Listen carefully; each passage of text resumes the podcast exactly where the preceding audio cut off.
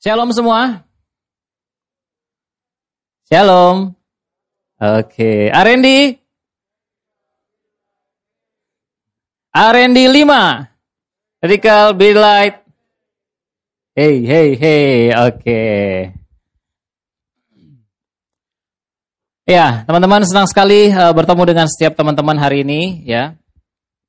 Saya percaya ada kasih ya, kuasa kebenaran ya yang terus dinyatakan bagi setiap kita. Boleh kasih senyum yang terbaik buat kanan kirinya? Ya, masih pakai masker ya. Gak apa, ya percayalah dia sedang tersenyum dan happy melihat kamu hari ini ya. Boleh bilang sama sebelahnya, kanan kirinya katakan, aku senang kamu hadir hari ini.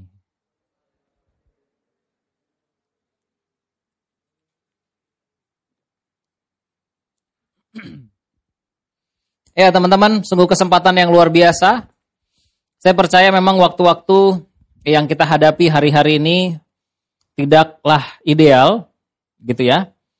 Baik secara general ataupun secara masing-masing personal pasti ada ketidakidealan dalam hidup kita. Ya.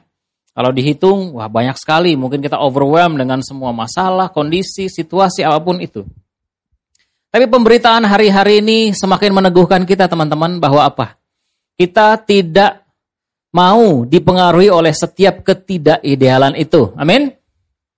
Kita nggak mau mengizinkan setiap eh, setiap ketidakidealan itu mengganggu, menghantui, mempengaruhi, meng, uh, apa pun itu sebutkan, ya. Kita mau untuk berdiri teguh, ya, kayak tadi ayat di awal ya. Teguh seperti keteguhan gunung batu. Gunung batu diterjang badai nggak? Iya ya. Kalau batu karang di laut pasti kena ombak, betul ya? Tiap hari. Jadi yang namanya badai dan ketidakidealan itu pasti ada. Tapi kalau kamu teguh, badai itu nggak akan menggoncang kamu. Kalau kamu firm dalam firman, badai atau apa pun itu tidak akan menggoyangkan hidupmu. Amin. Nah, dengan demikian makanya kita butuh firman Tuhan setiap hari teman-teman untuk kita bisa terus teguh. Bahkan teguh seperti keteguhan gunung batu. kita masih dalam seri Disciple of Christ Capacity. Kita sudah membahas hal ini um, sekitar, uh, saya lupa, sebulan, dua bulan, mungkin lebih, begitu kan? Ya. Dan ini adalah lanjutan dari yang minggu kemarin Kak Ferry bawakan di tempat ini juga. Set apart as God's favored. Menetapkan hati untuk tidak tercampur dengan dunia. Kadang-kadang ya, zaman sekarang kita senang yang sifatnya campuran-campuran. ya. Segala sesuatu yang di mix itu kayaknya lebih enak. Kayaknya, belum tentu ya teman-teman ya. Tergantung apa dulu yang dicampur ya. Ya. Tapi kita percaya hidup kita bukan untuk dicampurkan dengan segala sesuatu yang ada. Teman-teman di sini mungkin ada yang bawa air. Coba campurkan airmu dengan air sebelahmu. Nah, nah kan geli banget sih kak, gitu kan. Padahal sama-sama air gitu. Tapi kan itu juga nggak enak ya kayaknya. Aduh. Walaupun sama-sama air, gak ada unsur-unsur lain ya. Mungkin adalah tambahan sedikit ya. Tapi kita udah nggak mau itu udah nggak nggak mau deh kak minum. Geli banget. Apalagi dulu pas saya SMA pernah eksperimen ya namanya anak-anak dulu ya nyoba aneh-aneh. Coca-Cola kan enak, uh, dicampur Fanta, dicampur Sprite, dicampur, dicampur aduh. Jangan coba ya teman-teman ya, sakit perut. Walaupun semuanya itu minuman, tapi ternyata nggak semuanya itu baik untuk dicampur sana, campur sini, campur sana, campur sini. Tapi kadang-kadang, percaya nggak percaya, kita suka begitu tindakannya. Campurkan pikiran dengan hal-hal yang dari dunia. Terus apa kata orang? Masukin, terima. Wih, di media sosial lagi trending ini, ambil, terima. Kata papa mama kayak gini, terima. Kata oma kayak gini, terima. Aku pengen kayak gini, masukin, terima. Oh, kata, jangan lupa, kakak PKS kayak gini, woi masukin juga. Akhirnya di dalam sini kecampur-campur, dan kita bingung sendiri, mana yang aku harus lakukan? Nah, maka jangan suka campur-campur. Bilang kanan kirinya, jangan suka campur-campur bro sis. ya. Mari kita melihat dari um, Kitab Kejadian pasal 39 ayat 2 sampai 10 masih di ayat yang sama seperti yang kita juga sudah sering lihat teman-teman. Kita membaca sama-sama yang genap dibacakan oleh yang pria, yang ganjil dibacakan oleh yang wanita, ya. Siap semua? Bacakan dengan suara keras, satu, dua, tiga. Tetapi Tuhan menyertai Yusuf, sehingga ia menjadi seorang yang selalu berhasil dalam pekerjaannya. Maka tinggallah ia di rumah tuannya, orang Mesir itu.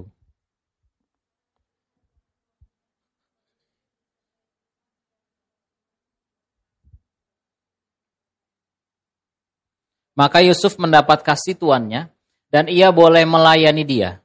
Kepada Yusuf diberikannya kuasa atas rumahnya, dan segala miliknya diserahkannya pada kekuasaan Yusuf.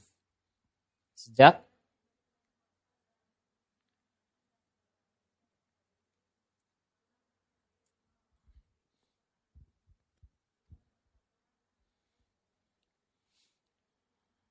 yang di ladang. Oke.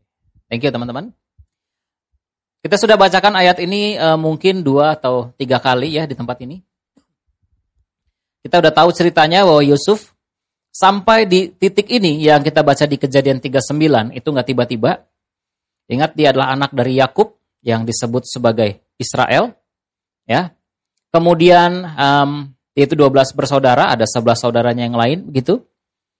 Nah, singkat cerita Yusuf itu dikasihi sekali oleh papanya, oleh orang tuanya. Bukan berarti Yakub nggak mengasihi yang lain, tidak. Yakub mengasihi. Ya. Jadi bukan soal Yakub pilih kasih, tidak. Tapi ini soal bagaimana Yusuf take personal kasih itu. Nah, saudara-saudaranya yang lain iri. Nah, ini iri, jealous, marah dan lain sebagainya. Dan kemudian dia eh, mereka mengambil Yusuf, memasukkannya ke dalam sumur, kemudian dikeluarin lagi, dijual, ya, akhirnya dibawalah ke Mesir sebagai budak. Jadilah Yusuf ini budak di Mesir. Dibeli sama Potifar, pegawai Fir'aun, diambil sebagai budak sehingga Yusuf harus melayani di rumah Potifar. Nah, baru di sinilah cerita itu berlanjut. Ya. Ketika Yusuf ada di rumah Potifar, apakah kondisi yang enak, teman? Enggak ya. Hari ini kita semua orang merdeka, enggak ada satupun di sini yang budak secara status. Amin. Budak cinta kak, aduh jangan ya, itu juga enggak bagus ya. kita semua orang merdeka, jadi jangan mau diperbudak oleh apa pun. nah, Susahnya budak adalah dia tidak punya hak atas dirinya sendiri. Dia harus nurut mutlak sama tuannya. Bahkan tuannya mau apa-apain aja, budak hamba harus nurut. Nah itu kata kuncinya. Budak tidak punya hak bahkan atas dirinya sendiri. Digaji nggak kak? Ya jangankan digaji. Masih dikasih hidup udah bagus. Nah kira-kira begitulah budak. Jadi tergantung tuannya ini baik atau enggak. Kalau tuannya jahat, ya habislah itu budak. Kalau tuannya baik, ya sejahteralah itu budak. Nah itulah kira-kira kondisi Yusuf. Enak enggak? Enggak. Kalau kita di posisi kayak gitu, apa kita menjadi budak yang bersemangat? Wih, hidupku di tangan Tuhanku. Ya, aku akan bekerja dengan baik. Aku nggak punya hak apa-apa. Aku akan memberi yang terbaik ya. Pasti enggak. Ya, betul ya? Tapi lihat ayat 2. Tuhan menyertai Yusuf. Tuhan menyertai Yusuf. Dan memang iya Tuhan menyertai Yusuf. Sama seperti Tuhan juga menyertai setiap kamu, teman-teman yang hadir di tempat ini. Problemnya adalah, apakah Tuhan cuma menyertai Yusuf saja? Tentu tidak. Tuhan menyertai semuanya. Apakah Tuhan hanya mengasihi Yusuf saja? Tentu tidak. Tapi banyak orang merasa dirinya tidak dikasihi, dirinya tidak disertai. Betapa banyak orang merasa, saya kayaknya bukan Yusuf. Tuhan lebih mengasihi dia daripada saya. Saya cuma kebagian ampas-ampasnya, yang lain kebagian yang terbaik. Ya. Tuhan tidak begitu, teman.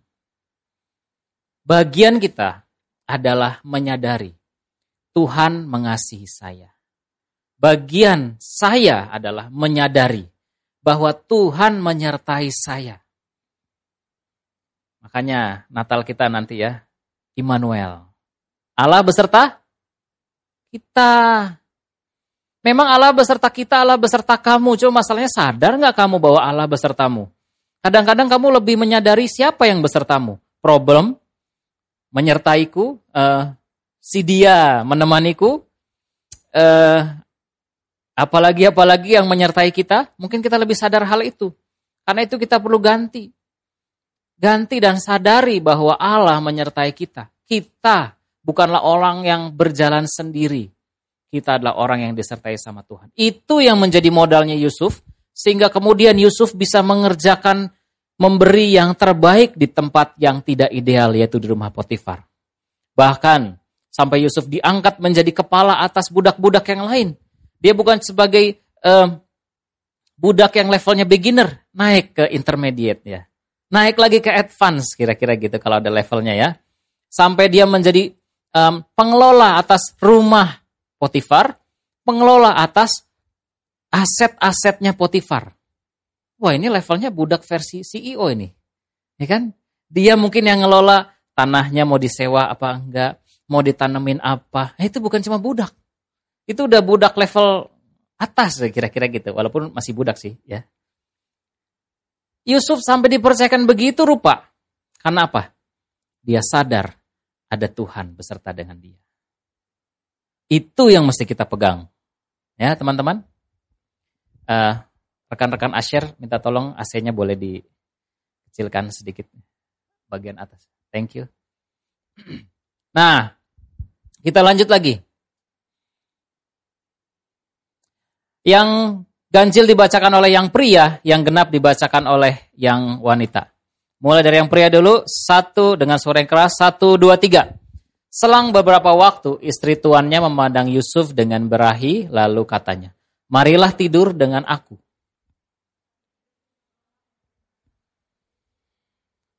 Dengan bantuan tuanku itu, mengatur apa yang ada di rumah ini.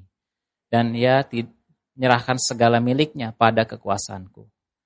Bahkan di rumah ini, ia tidak lebih besar kuasanya daripadaku. Dan tiada yang tidak diserahkannya kepadaku, selain daripada engkau, sebab engkau istrinya. Bagaimanakah mungkin aku melakukan kejahatan yang besar ini dan berbuat dosa terhadap Allah?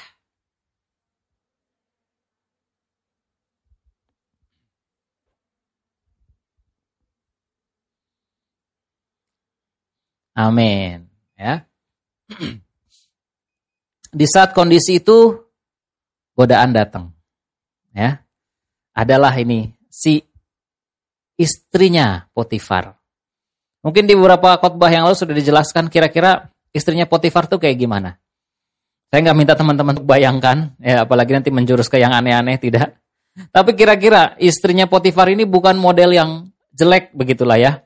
Bukan model yang nggak enak dipandang, gitu kan. Mungkin kadang-kadang kita bisa menolak hal tertentu karena nggak bagus. Tapi ini bukan model yang nggak bagus. Ini kira-kira yang kelas high maintenance lah gitu ya.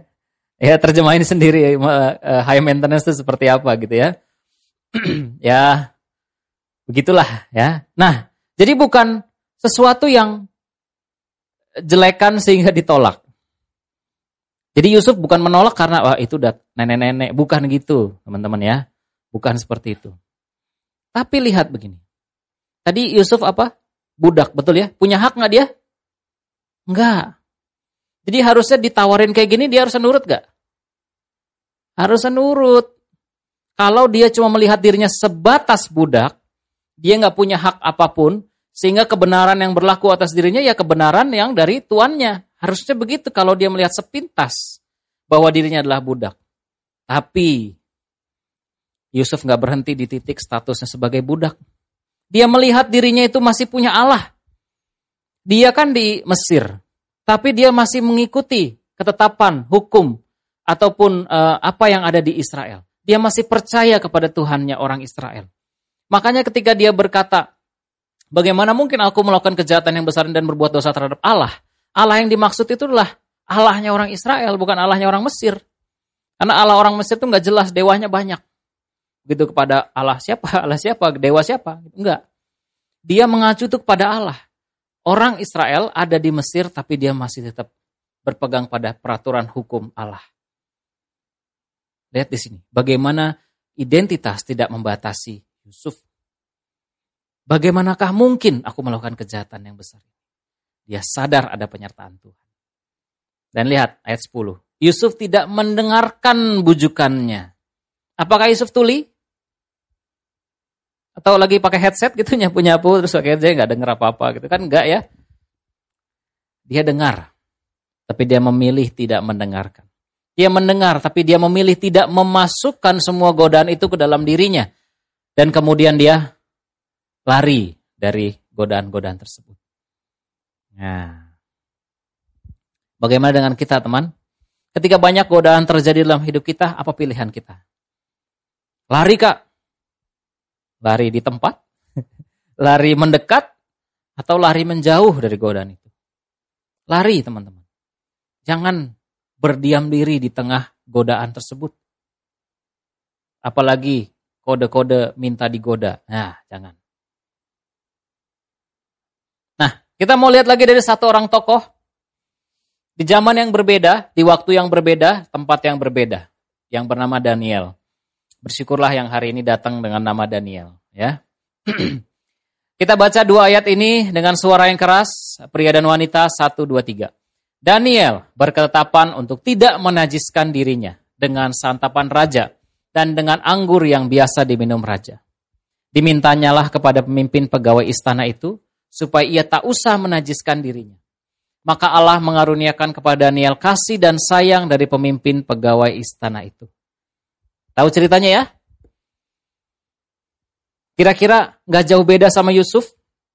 Di mana waktu itu Daniel Israel dijajah, kerajaan Israel sudah uh, hancur begitu. Anak-anak bangsawan dan anak-anak terdidik dari Israel diangkut semua ke Babel. Yang level uh, top-topnya ini termasuk Daniel diangkut ke Babel untuk bekerja pada Raja Babel. Yang level tidak berpendidikan mungkin, atau kelihatannya kurang bagus, nah itu biasanya jadi uh, pesuruh-pesuruh, kuli-kuli dan lain sebagainya. Biasanya seperti itu yang terjadi. Nah, Daniel sebagai golongan anak-anak bangsawan, keturunan-keturunan raja, dia diangkut, disuruh bekerja pada Raja Babel. Semua orang yang segolongan Daniel diberikan makanan dari santapan raja. Tapi lihat yang terjadi. Daniel berketetapan untuk tidak apa? Menajiskan dirinya dengan makanan raja. Wah, berarti dengan secara tidak langsung dia mengatakan makanan raja itu najis, betul ya? Makan raja itu apa sih yang najis? Kotoran najis, betul? Bisa begitu ya? Teman saya kak, eh jangan gitulah ya. Jujur amatnya. Enggak, enggak. Yang najis itu apa? Kotoran. Begitu, anggap aja begitu. Tapi kemudian Daniel tidak mau menajiskan dirinya dengan makanan raja. Seolah-olah dia menganggap makanan raja itu levelnya kayak, nah itu tadi. Belagu amat ya. Kalau kita lihat sepintas, wah berani banget nih, songong banget nih Daniel.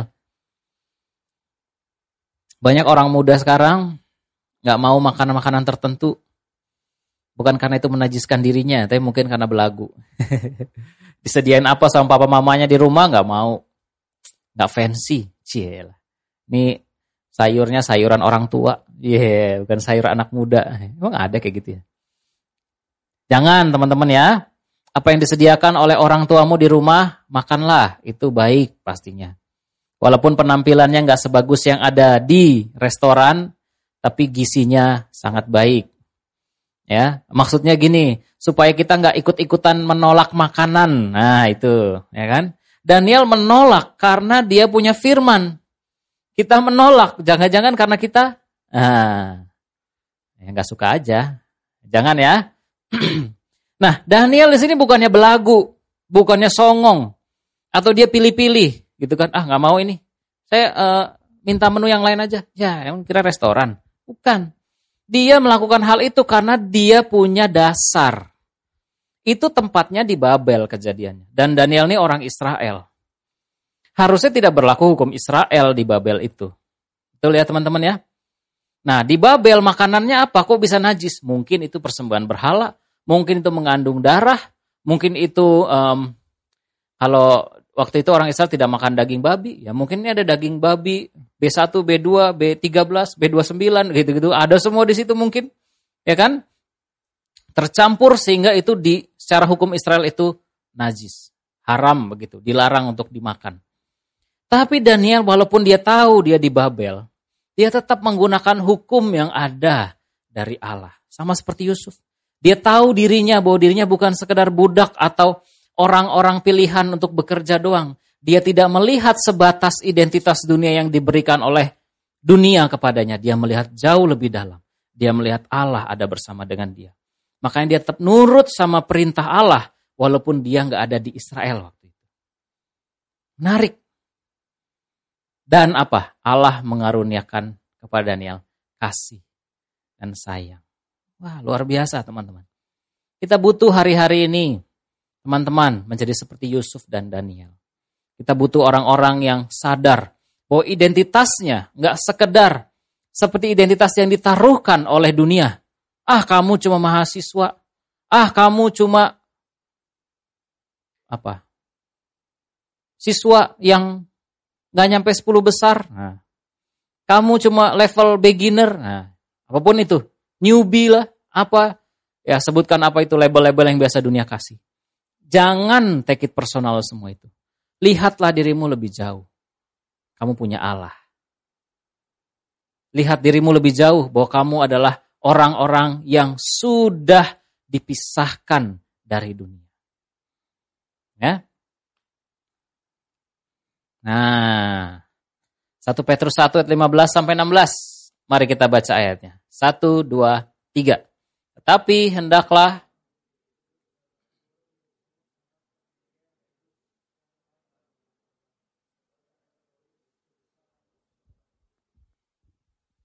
Kuduslah kamu sebab aku kudus. Ini satu ketetapan, satu perintah, tapi juga sebetulnya satu apa ya pola yang Tuhan sudah kasih. Jadilah kamu kudus karena aku kudus. Ketika dia um, mengaruniakan rohnya kepada kita, sehingga kita kemudian menjadi anak-anaknya. Rohnya itu yang menguduskan setiap kita. Sehingga ketika kamu teman hari ini hadir, kamu adalah orang-orang kudus. Ya walaupun dari Jogja, dari Solo, dari Tangerang, kamu adalah orang-orang kudus. Amin. Colek kanan kirinya. Kamu orang kudus. Kamu orang kudus. Bukan karena melihat pada perbuatanmu.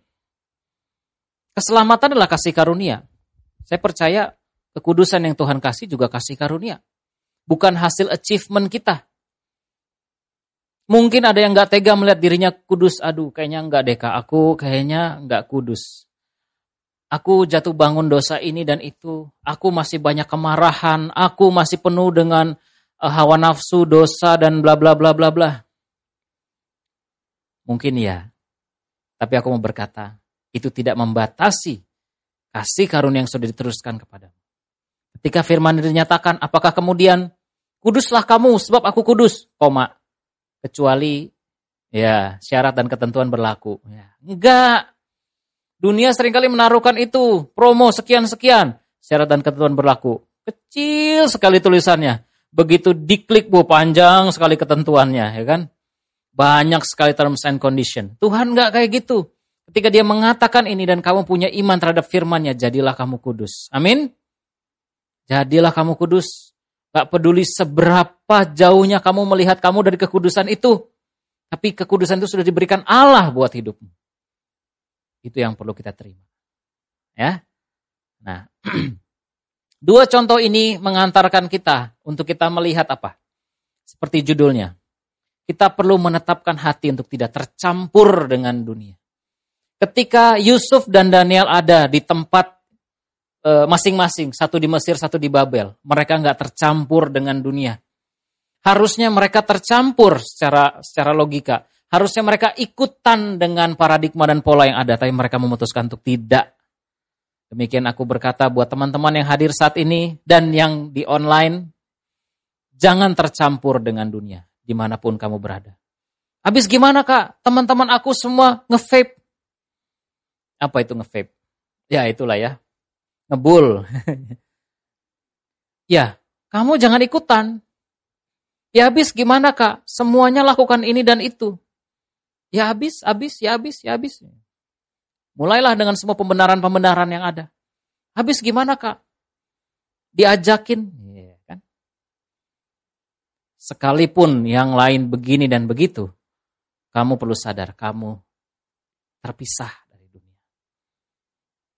sebetulnya kata kudus, ya teman-teman, kudus itu kan artinya tuh terpisah, set apart, separate ketika Musa memimpin bangsa Israel keluar dari tanah Mesir, itu Allah sedang menguduskan mereka. Allah sedang memisahkan mereka. Banyak kejadian-kejadian di perjanjian lama di mana Allah menarik, memisahkan, ya, mengeluarkan banyak. Nah, itu sebetulnya apa? Itu Allah sedang menyatakan kekudusannya buat orang itu. Buat apa sih kak ditarik-tarik, dipisahkan buat apa? supaya nggak tercampur. Karena kalau udah tercampur, udah ke mix, udah susah. Wah kak berarti aku nggak boleh sekolah, aku nggak boleh kecampur dengan yang lain-lain. Bukan itunya, bukan konteksnya, tapi pikiran kita itu loh. Kamu boleh berteman dengan siapa aja tidak dilarang. Tapi jangan masukkan paradigma-paradigma dari dunia ke dalam pikiran dan perasaanmu. Itu yang salah. Kan Tuhan nggak pisahkan mereka dari dunia apa uh, dari konteksnya dari bumi terus kita tinggal di planet lain planet Namek yang tahu Dragon Ball ya enggak enggak begitu Tuhan mau pikiran dan perasaan kita yang tidak tercampur dengan pikiran dan perasaan dunia di bahasa lain di perjanjian baru tidak terkamirkan ya oleh ragi dunia ini tuh kan? Sama Tuhan mau kita kudus ya pegang jidatnya. Tepok-tepok kudus kudus kudus. Nah ya. Sudah dikuduskan pikiran dan perasaanmu itu. Sudah dikuduskan hatimu. Teruslah pikiran dan perasaanmu dipisahkan dari paradigma-paradigma dunia nah ya tidak tercampur dengan paradigma dunia paradigma dunia seperti apa yang masih ada dalam pikiran dan perasaan. Itu, keluarin, buang. Buang, karena itu nggak perlu ada dalam dirimu. Seperti emas, dia dilebur, di apa, di, dimurnikan, begitu kan. Terus ketika dibakar, itu kotoran akan terpisah dengan sendirinya. Sehingga dia didapati satu emas yang murni. Ya kan? Itulah bagaimana dipisahkan. Pisahkanlah teman-teman dirimu dari pikiran dan perasaan yang dari dunia. Nah karena itu jangan masukin hal-hal yang dari dunia. Wah berarti nggak boleh nonton lagi kak. Nggak boleh um, ikutan ini dan itu. Memang banyak hal yang dari dunia ini cenderungnya jahat dan bisa menjadi celah masuknya berbagai hal. Kalau memang kamu rasa kamu nggak perlu tonton tontonan tertentu, kalau kamu rasa kamu nggak perlu lihat channel tertentu, ya stoplah. Aku bukan melarang. Kita tidak lagi membuat hukum R&D. Nggak boleh ini, nggak boleh itu, nggak boleh joget-joget di depan kamera dan di publish, bukan itu. Tapi kalau kamu tahu ada beberapa hal yang menjadi membuat kamu celah, ya udah dong, nggak usah diterusin. Betul ya? Kalau tahu di sampingmu ada lobang, jangan main-main di sekitar lobang itu. Kadang-kadang kita masih, kita tahu kita pernah jatuh ke lubang itu, kita ditolong, kita udah di luar. Tapi kayaknya seneng aja ngeliatin, terus dikelilingin lubangnya, terus lompat-lompatan antara dimain-main ya satu kali kecemplung. Udah tahu ada lubang, masih kita mainan di situ. Jauh-jauh lah. Sama seperti Yusuf nggak deket-deketin, minta digoda sama istri Potifar kan enggak. Ya jauh-jauh. Jauh-jauhlah teman-teman dari hal-hal dunia yang bisa membahayakan dirimu. Nah, Kita lihat sub poinnya di sini. Kekudusan diawali dari ketetapan Allah. Kekudusan gak diawali oleh perbuatan diri kita. Tidak. Makanya banyak orang yang mungkin mencoba menjaga kekudusan dirinya dengan berbagai tindakan. Ya, um, zaman dulu ada campaign kekudusan. Bagus, bagus. Tapi kadang-kadang orang-orang yang ikut di dalamnya adalah mereka berusaha untuk hidup kudus. banyak jatuh. Kenapa? Karena sering kali itu dimulai dari kekuatan diri. Segala sesuatu yang mengandalkan diri sendiri pasti gagal dan jatuh. Kita perlu lihat, kekudusan diawali dari ketetapan Allah. Ketetapan Allah itu apa sih? Firman. Jadi sebelum perbuatanmu ini bisa kudus dan benar, lihat pikiran dan perasaanmu dipenuhi firman atau enggak. Karena kalau orang itu jatuh ke dalam satu dosa, itu pasti karena ada celah di pikiran dan perasaannya. Kan gak mungkin kamu bangun pagi-pagi kemudian saya mau berbuat dosa hari ini. enggak, enggak kayak gitu. Ah, jatuh ah hari ini ya. Enggak gitu. Enggak tiba-tiba maksudnya. Tapi pastikan ada celah satu, celah dua, perasaan ini, perasaan itu. Yang udah numpuk sebelumnya, akhirnya jatuh. Akhirnya marah. Akhirnya meledak. Nah, kita mau cut di titik celah-celah-celah itunya. Makanya begitu banyak orang berusaha dan susah sekali untuk seolah-olah hidup kudus. Kenapa? Karena mereka nggak mulai dari pikiran dan perasaannya.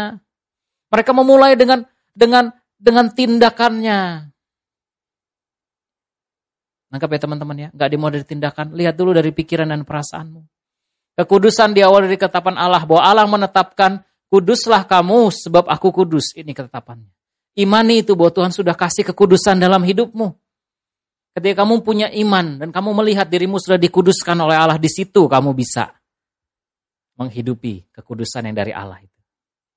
Nah, terus apa? Teguh dalam kebenaran bukan pembenaran diri. Kebenaran itu dasarnya adalah firman, betul ya? Di kitab Yohanes dikatakan, "Kuduskanlah kami dengan kebenaran. Firmanmu adalah kebenaran." Terus masukin firman dalam pikiranmu teman. Karena di pikiranmu banyak hal-hal yang korup. Banyak virus-virus yang bisa membuat dirimu gak kudus. Masukin terus firman Tuhan. Masukin. Biarkan firman Tuhan itu kayak mendetoks dirimu dari hal-hal yang udah terlanjur masuk selama ini. Dan jangan buka celah lagi pada hal-hal yang demikian. Teguh dalam kebenaran. Kebenaran akan membuat kita teguh. Pembenaran akan membuat kita runtuh. Pembenaran diri apa sih? Pembenaran itu kan sebetulnya saya salah tapi dibenar-benerin gitu. Sebenarnya dia nggak masuk kualifikasi tapi ya, ya udahlah. Itu loh, ya udahlah. Ya abis gimana ya kak? Zaman sekarang mana ada sih uh, remaja anak muda yang gak jatuh dosa pornografi? Ya, ya kan? Seolah-olah itu jadi pembenaran. Semua juga begitu kak. Lah terus kalau semua begitu terus itu jadi nggak dosa gitu. Terus kemudian Tuhan melihat, ya semua ada dosa. Ya udah deh, ini dosa pornografi kita netralin aja. Enggak. Hukum dunia sering kali begitu. Ketika semua orang sudah melakukannya, itu dianggap sebagai kebenaran umum. Tapi di, di dalam firman tidak demikian ya salah tetap salah sekalipun manusia kemudian sudah berbuat dosa apakah Tuhan menghapus dosa maksudnya dosa dianggap tidak ada gitu kan enggak nah bukan berarti karena semua sudah melakukannya semua dianggap benar tidak demikian. Jangan ambil pembenaran diri, tapi ambil kebenaran. Nah, paradigma dunia apa yang masih saya pegangi? Pola pikir atau perasaan tertentu apa yang masih saya pegangi, teman-teman? Coba lihat ke dalam dirimu. Ya. R&D 3. Be like, hey, hey, hey, ya, ya. Baca lagi ayat ini. Satu, dua, tiga. Bagaimanakah mungkin aku melakukan kejahatan yang besar ini dan berbuat dosa terhadap Allah? Bagaimana mungkin saya bisa melakukan dosa ini? Itu kata Yusuf. Kalau zaman sekarang, nggak tahu saya. Tapi bagaimana mungkin kak saya nggak jatuh dosa? Nah, bagaimana mungkin juga, cuma beda. Lihat bedanya? Yusuf bilang, bagaimana mungkin saya bisa berbuat dosa kayak gini? Karena kasih karunia terlalu besar buat hidup saya. Bagaimana mungkin saya bisa mengkhianati Allah? Karena kebaikan Allah udah begitu banyak buat hidup saya. Apakah paradigma ini juga yang ada dalam hidup kita? Bagaimana kita melihat diri kita sudah disertai, sudah dikasih oleh Tuhan begitu rupa. Sampai kita melihat dosa itu bukan lagi bagian kita. Kamu udah mandi, kamu udah bersih. Terus ya aku udah terlanjur bersih. Bagaimana aku masih main uh, comberan itu? Contoh ya. Tahu comberan? Ya, anggap aja got gitu ya. Saluran air yang isinya air kotor gitu kan. Lihat dirimu sebagai orang-orang yang sudah dikuduskan, dipisahkan dari dunia. Sehingga kamu tidak lagi melihat kotoran dan lubang dosa ini sebagai tempat yang layak untukmu. Sehingga kamu akan melihat, aku nggak di situ lagi. Aku udah bersih, ngapain aku kotor-kotoran lagi? Aku udah nggak di situ lagi. Beranikah kamu berkata demikian sama dosamu, sama keterikatanmu, sama kebiasaanmu? Mengatakan bahwa aku udah nggak di situ lagi. Aku nggak mau di situ lagi. Aku nggak level di situ lagi. Orang aku udah dibersihin, aku udah dikuduskan, aku udah diangkat dari situ. Ngapain aku main-main dan nyemplung-nyemplung lagi di situ? Bilang itu sama dirimu, teman. Kesadaran itu akan membuat kita naik.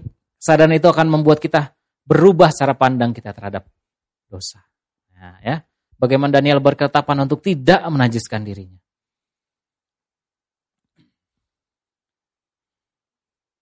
Selanjutnya, bertindak tegas terhadap kejahatan. Ya. Bukan berarti kita jadi polisi atau pembela kebenaran dan keadilan. Uh, superhero, bukan ya. Apa sih kejahatan teman-teman? Apa itu kejahatan? Itu kak membunuh, mencuri, betul ya? Um, korupsi, ya apalagi itu kejahatan ya, betul. Secara hukum itu disebut kejahatan, kriminal. Tapi kita mau lihat sebenarnya di dalam firman, kejahatan itu apa sih? Eh, nah ini, dosa. Dalam bahasa aslinya itu adalah hamartia hamartia. Nah ini yang sekolah di TB pasti udah belajar nih ya. hamartia. Artinya adalah melenceng dari sasaran. Anggap aja di depanmu ini adalah sasaran. Sasaran anak panah gitu kan yang warna merah, putih, merah, putih. Bukan bendera ya. Eh, maksudnya yang melingkar-melingkar itu ya. Apa bullseye gitu kan. Kalau kalian suka main panahan, dart, dan sebagainya. Kalian tahulah sasaran tuh kayak apa. Ya. Hamartia adalah melenceng dari sasaran. Artinya ada sasaran, tapi nggak nyampe. Either keluar dari sasaran atau nggak, ya gitu. Kalau main basket tuh airball. nggak bahkan nggak nyentuh ring, udah turun duluan gitu kan. Itu nggak ada poinnya. Yang ada kadang-kadang diketawain. Ya, jangan ketawain yang begitu sih. Ya. Nah, maksudnya di sini apa? Melenceng dari sasaran. Hidupmu punya sasaran nggak? Punya kan? Melenceng nggak? Ketika misalnya ini ada saya ada handphone begitu kan? iPhone nggak bukan ya. iPhone 20. Terus saya juggling-juggling gitu kan. Eh jatuh, letak-letak-letak retak ya. Saya buat lempar-lemparan, yuk main frisbee yuk, ceng gitu kan. Gak ketangkep kena tembok. Boleh nggak saya lakukan itu terhadap iPhone saya? Boleh nggak? Boleh ya, karena ya punya kakak, ya terserah kakak lah. Gitu. Saya nggak ngurus lah gitu. Sultan kali ya, iPhone dibuat juggling gitu ya. Tapi untuk itu nggak handphone itu diciptakan? Nggak ya. Melenceng dari sasaran nggak? Melenceng ya. Sasaran itu yang buat saya atau si pencipta handphone? yang pencipta handphone ya. Sayang tetap nggak boleh bikin sasaran-sasaran sendiri ya, betul ya? Nah, detailkan itu untuk hidupmu. Hidupmu sasarannya untuk apa? Melenceng nggak dari sasarannya? Waktumu harusnya buat apa? Sasarannya apa? Melenceng nggak dari sasarannya? Kuliahmu dan sekolahmu harusnya untuk apa? Melenceng nggak dari sasarannya? Kalau dibikin kayak gitu kan jadi mikir kita, uh ternyata banyak banget yang melenceng ya. Uangmu harusnya untuk apa? Melenceng nggak dari sasarannya? Ya, apalagi sebutkan. Kalau kamu dibeliin laptop di rumah, harusnya buat sekolah kuliah online, tapi ternyata kebanyakan diisi oleh misalnya game, film dan lain sebagainya, melenceng nggak dari sasaran laptop itu buatmu? Melenceng ya? Ya. Kalau gitu ya kembalikan dong ke sasarannya dengan bikin sasaran sendiri. Nggak diakui, sasaran yang dari semula itu yang diakui. Sehingga dari hal ini teman, bagaimana kita bisa bertindak tegas? Kita harus tahu sasarannya apa. Sasaran hidupmu apa? Makanya banyak orang nggak bisa tegas, nggak bisa tegas itu bukan berarti marah-marah ya. Tegas marah-marah, wah diomelin semua, kayak tegas banget bukan gitu. Tegas tuh yang saya maksudnya jelas. Harusnya ke kanan apa kiri, mana benar mana salah itu tegas. Garisnya tuh tegas. Tegas itu nggak blur. Nah itu ya. Kalau blur kan nggak jelas, nggak tajam seperti apa. Nah Tegaslah kepada dirimu untuk melihat sebetulnya sasarannya apa. Sehingga ketika kita di ya didetailkan seperti ini kita akan tahu banyak hal sebenarnya melenceng dari sasaran yang sesungguhnya. Ya kan? Bukan soal barang-barang atau apa. Lihat bagaimana hidup kita itu melenceng. Waktu kita harusnya buat Tuhan, sebagian besar buat apa? Hidup kita harus untuk memuliakan Allah, sebagian besar buat apa? Ya, terus uh, perkataan kita harusnya untuk membangun ternyata buat apa? Kalau kita lihat kayak gitu, betapa kita melihat banyak sekali dalam hidup kita melenceng dari sasaran. Karena itu teman, beranilah jujur. Akui apa adanya. Garis-garis yang jelas itu jangan dibuat blur lagi. Kalau emang selama ini kamu banyak salah, banyak dosa, banyak ya pelanggaran, ya akui. Minta ampun sama Tuhan. Akui kakak-kakak PKS pemurid Aku percaya tidak akan dihakimi, tapi justru akan ditolong. Dunia ini sering kali mengaburkan begitu banyak hal yang boleh dibilang enggak, yang enggak dibilang boleh, sehingga jadi kacau. Tuhan mau supaya ini jadi kembali tegas, jelas. Firman itu sebagai seperti uh, alat ukur, sehingga bisa melihat mana mencong, mana lurus. Nah. Terus apa? Bertindak tegasnya apa? Tidak alasan, alasan reasoning itu bikin blur. Gimana kak aku nggak jatuh dalam dosa? Pak mamaku kondisi di rumahnya begini. Pak mama ribut terus. Gimana aku nggak apa namanya sering marah-marah? Mereka sering marah-marahin aku. Gimana aku nggak jatuh dosa ini kak? Kakak PKS ku juga sering begini. Semuanya jadi alasan, semuanya disalahin, semuanya aja diputar-putar sehingga kemudian sebenarnya kita nggak mau mengakui, ya kak saya salah, saya minta maaf. Memang butuh itu, itu akan menolong kamu. Gak usah diblur-blurin, gak usah banyak alasan, gak usah banyak uh, dalih, itu nggak akan menolong kamu. Semoga di sini nggak ada yang merasa diomelin sama saya. saya bukan orang tua kalian, ya. Tapi justru pemberitaan ini bukan untuk menghakimi, melainkan untuk menolong, memperjelas. Jangan diblurin lagi, teman. Jangan diblurin lagi. Berikan ini bisa jelas sehingga kamu bisa melihat dengan jelas juga. Nah, ini loh. Kita baca sama-sama. Satu, dua, tiga.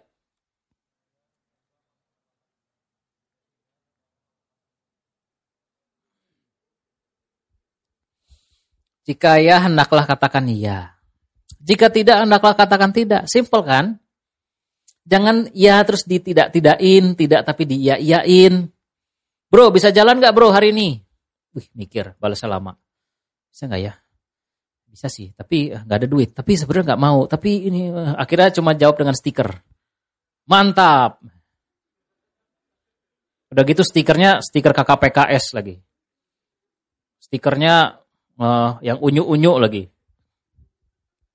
Ini sebenarnya bisa apa enggak sih? uh, jadi bisa enggak? Ya stiker lain lagi, love love gitu ya. Nah itu loh teman. Bukan lagi nanti, wah Kak David ngelarang pula stiker ini kan. Nah, nggak boleh stiker-stikeran. Bukan.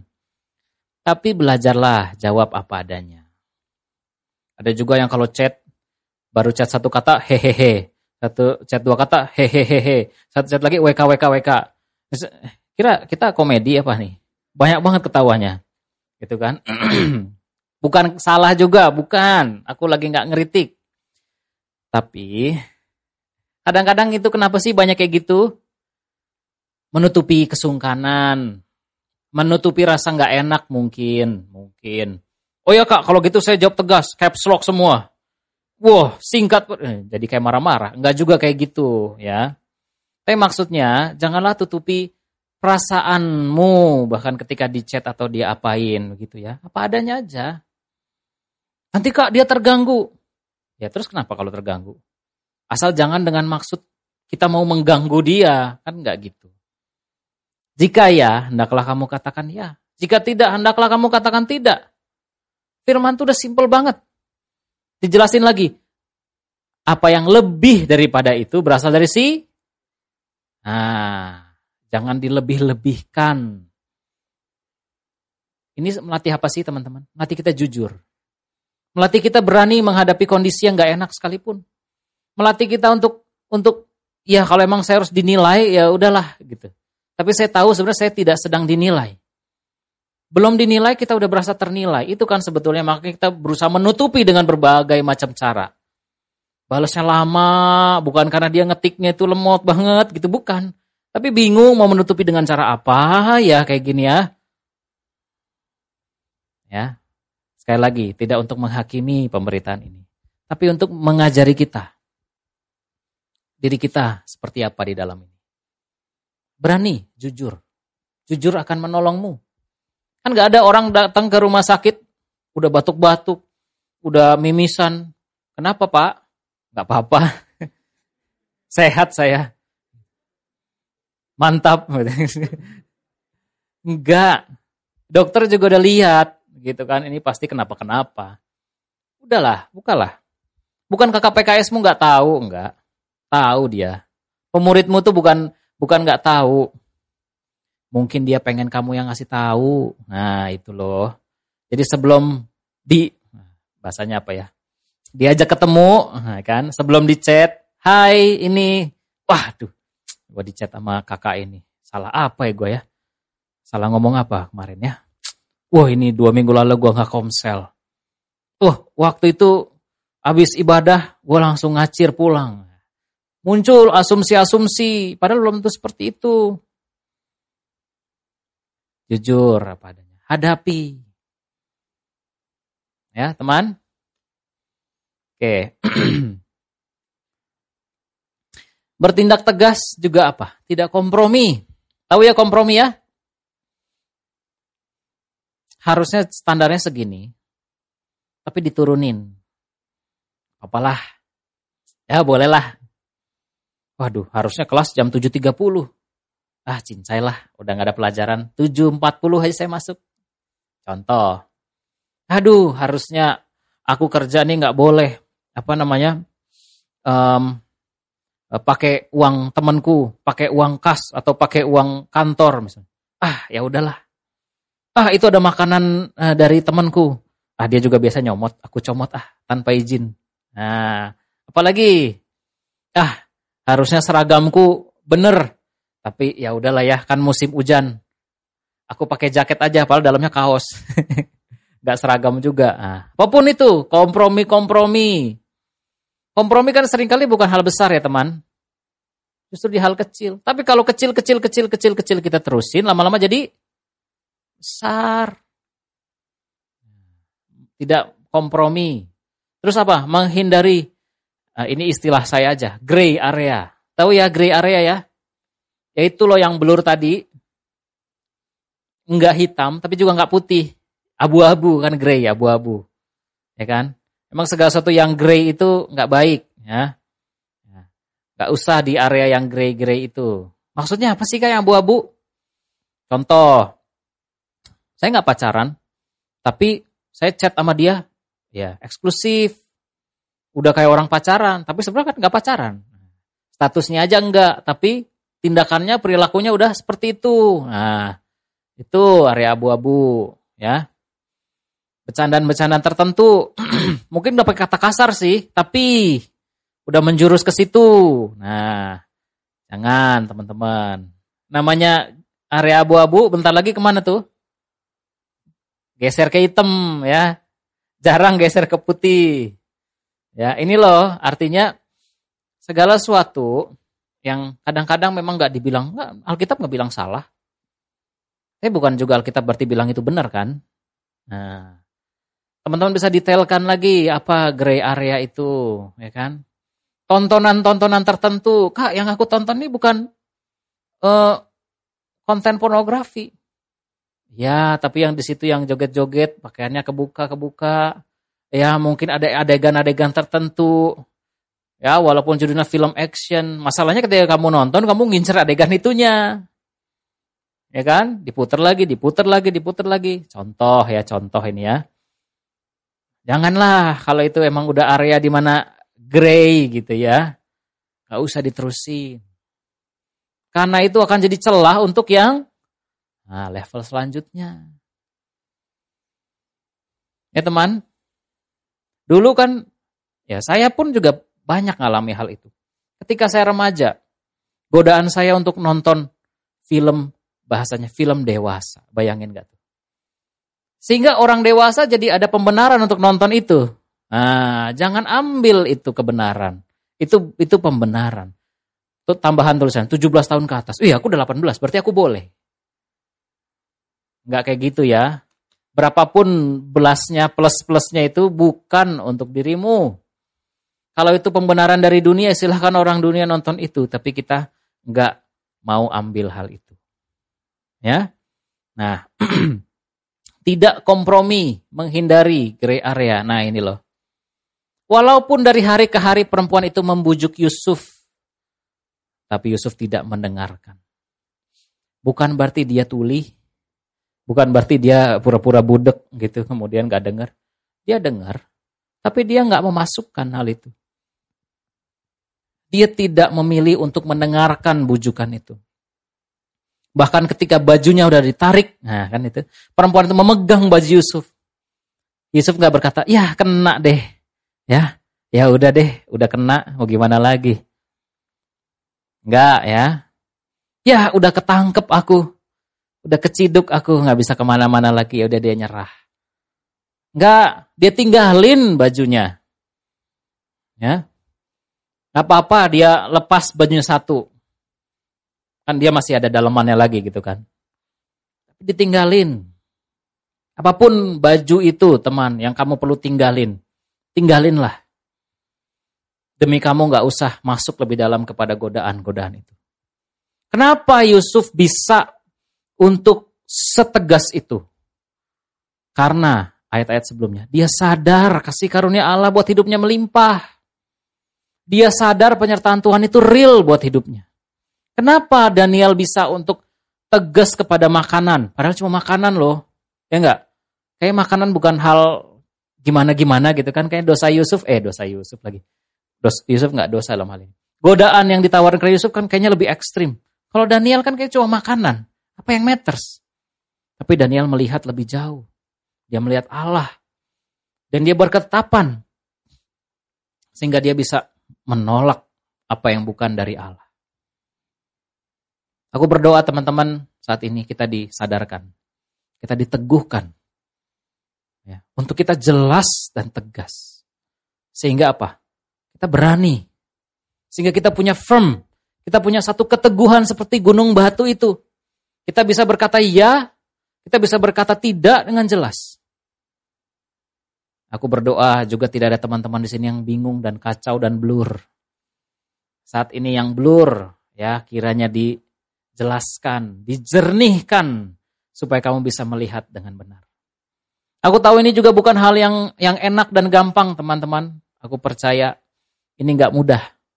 Karena itu ada kakak pemurid PKS yang bisa menolong kamu. Ketika kamu bingung, ketika kamu bimbang dan galau terhadap beberapa keputusan ada di persimpangan, ngomong dong sama mereka. Cerita. Mereka akan bantu memperjelas dan mempertegas apa yang seharusnya diambil, dilakukan, diarahkan. Amin. Nah, semoga ini tidak membuat kayaknya banyak sekali PR, PR, waduh. Kayaknya bebannya berat habis ini enggak. Bukan beban berat yang sedang dibagikan teman, tapi ini adalah kemerdekaan. Lihat, menikmati kasih karunia dalam kekudusan dan kemurnian. Kita kan tahu ending dari Yusuf dan Daniel seperti apa. Jelas ya? Yusuf diangkat menjadi penguasa Mesir, Daniel diangkat menjadi orang kedua setelah raja. Dan Daniel nggak cuma ada di Raja Nebukadnezar, dia ada di kerajaan Babel, kalau nggak salah dua pemerintahan, lalu di kerajaan-kerajaan yang lain, Daniel masih jadi orang utamanya. Dia bukan rajanya, tapi dia orang kedua setelah raja. Rajanya ganti, orang kedua tetap dia. Rajanya ganti, orang kedua tetap dia. Saking ini orang luar biasanya. Ini orang nggak sembarangan. Makanya raja ganti, raja penggantinya nggak mau ngusir Daniel. Inilah apa kasih karunia yang diterima oleh orang-orang yang sungguh-sungguh. Nah ini, selalu ada hal besar yang Tuhan percayakan bagi orang yang berketetapan. Dimulai dari pikiranmu dan perasaanmu untuk berketetapan hidup dalam firman, hidup dalam kekudusan. Selalu ada. Dan saya mau katakan inilah kenikmatan ya yang sejati hidup di dalam Tuhan. Kalau mungkin ada orang-orang tertentu yang bilang, aduh, yang holy-holy itu nggak enak. Ya itu tadi, yang enak tuh yang campuran-campuran. Ya, saya mau katakan, tidak ada emas murni 24 karat yang iri sama batu kali. Anggap ya. Emas 24 karat murni terus dia iri sama pasir. iri sama batu kali, iri sama batu apa namanya? Eh, bukan batu yang mahal, iri sama batu-batuan di jalan gitu enggak. Dia enggak iri. Yang murni selalu nilainya lebih tinggi. Yang murni yang terpisah selalu value-nya lebih tinggi. Kualitasnya selalu di atas rata-rata. Mungkin ada godaan yang berkata, aduh kalau saya hidup kudus dan benar. Nggak ada lagi teman-teman yang mau berteman sama aku. Ada yang berpikir kayak gitu? Mungkin sejenak kamu bisa aja dianggap ansos, ekstrim, eksklusif, sok suci, sok rohani. Mungkin. Tapi ketika kamu terus dalam kebenaran, lihat, kamu akan jadi orang yang dicari-cari sama temanmu. Aku melihat sendiri, ketika aku di kampus, Aku waktu itu menjadi pemimpin komselnya.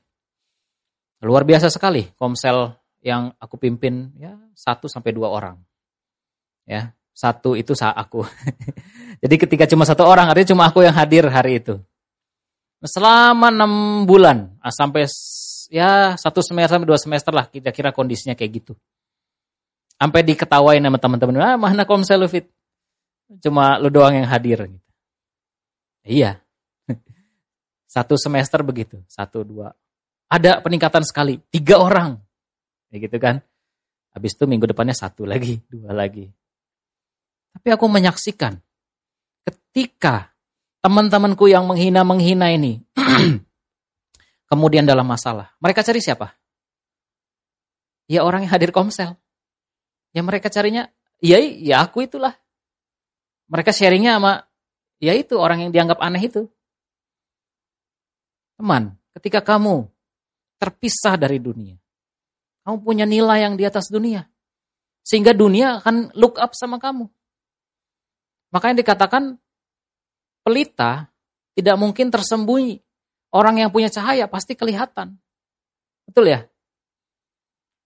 Yesus hidupnya kudus apa enggak? Jelas. Apakah dia ansos? Enggak ada yang mau temenan sama Yesus? Dia khotbah berapa orang dikasih makan? 5 ribu, betul ya? Banyak orang yang mau dekat sama Yesus. Saya bilang kayak gitu. Banyak orang yang mau dekat sama Yesus.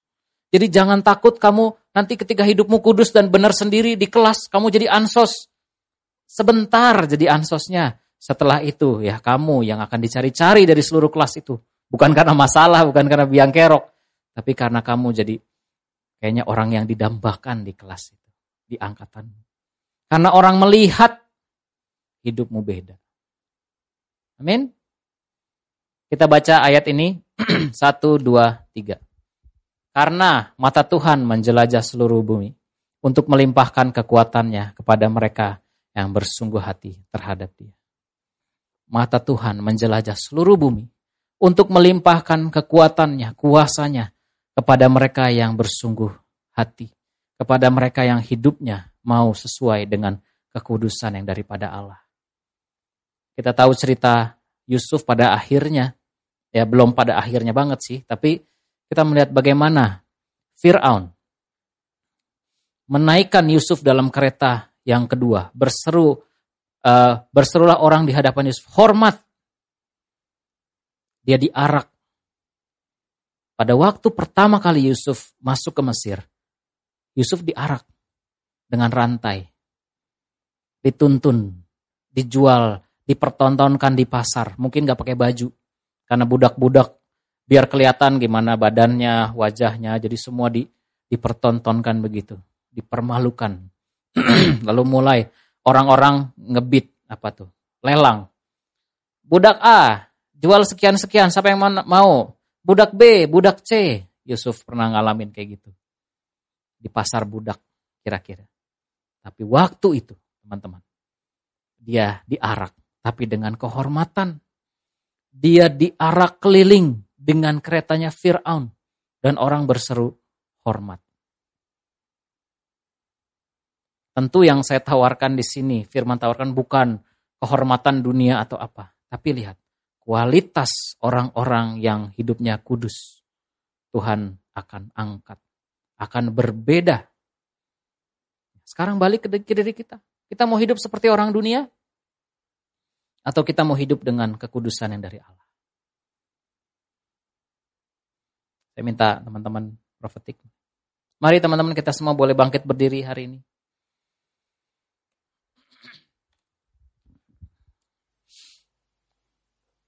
Saya percaya pemberitaan firman Tuhan sekali lagi tanpa ada maksud merendahkan, tanpa ada maksud untuk menghakimi, tanpa ada maksud untuk mengintimidasi dirimu. Tapi untuk memperjelas Tuhan sudah menguduskan dirimu teman. Kamu adalah orang-orang yang sudah dipisahkan dari dunia ini. Karena itu, jangan mau lagi tercampur dengan paradigma dunia. Levelmu udah di atas dari dosa. Jangan mau lagi turun level ke dosa. Jangan mau lagi diperdaya sama iblis. Ketika iblis menggoda Adam dan Hawa, dikatakan dengan ini kamu akan bisa menjadi seperti Allah. Bohong, padahal saat itu mereka sudah menjadi seperti Allah. Kamu sudah ada kekudusan karena pemberian. Bukan dengan usaha pencapaian atau ini itu kamu bisa mencapai kekudusan, tidak. Tapi karena itu sudah diberikan dalam dirimu. Sadari itu teman. Kamu boleh tundukkan kepala. Boleh ambil waktu sama Tuhan secara pribadi saat ini.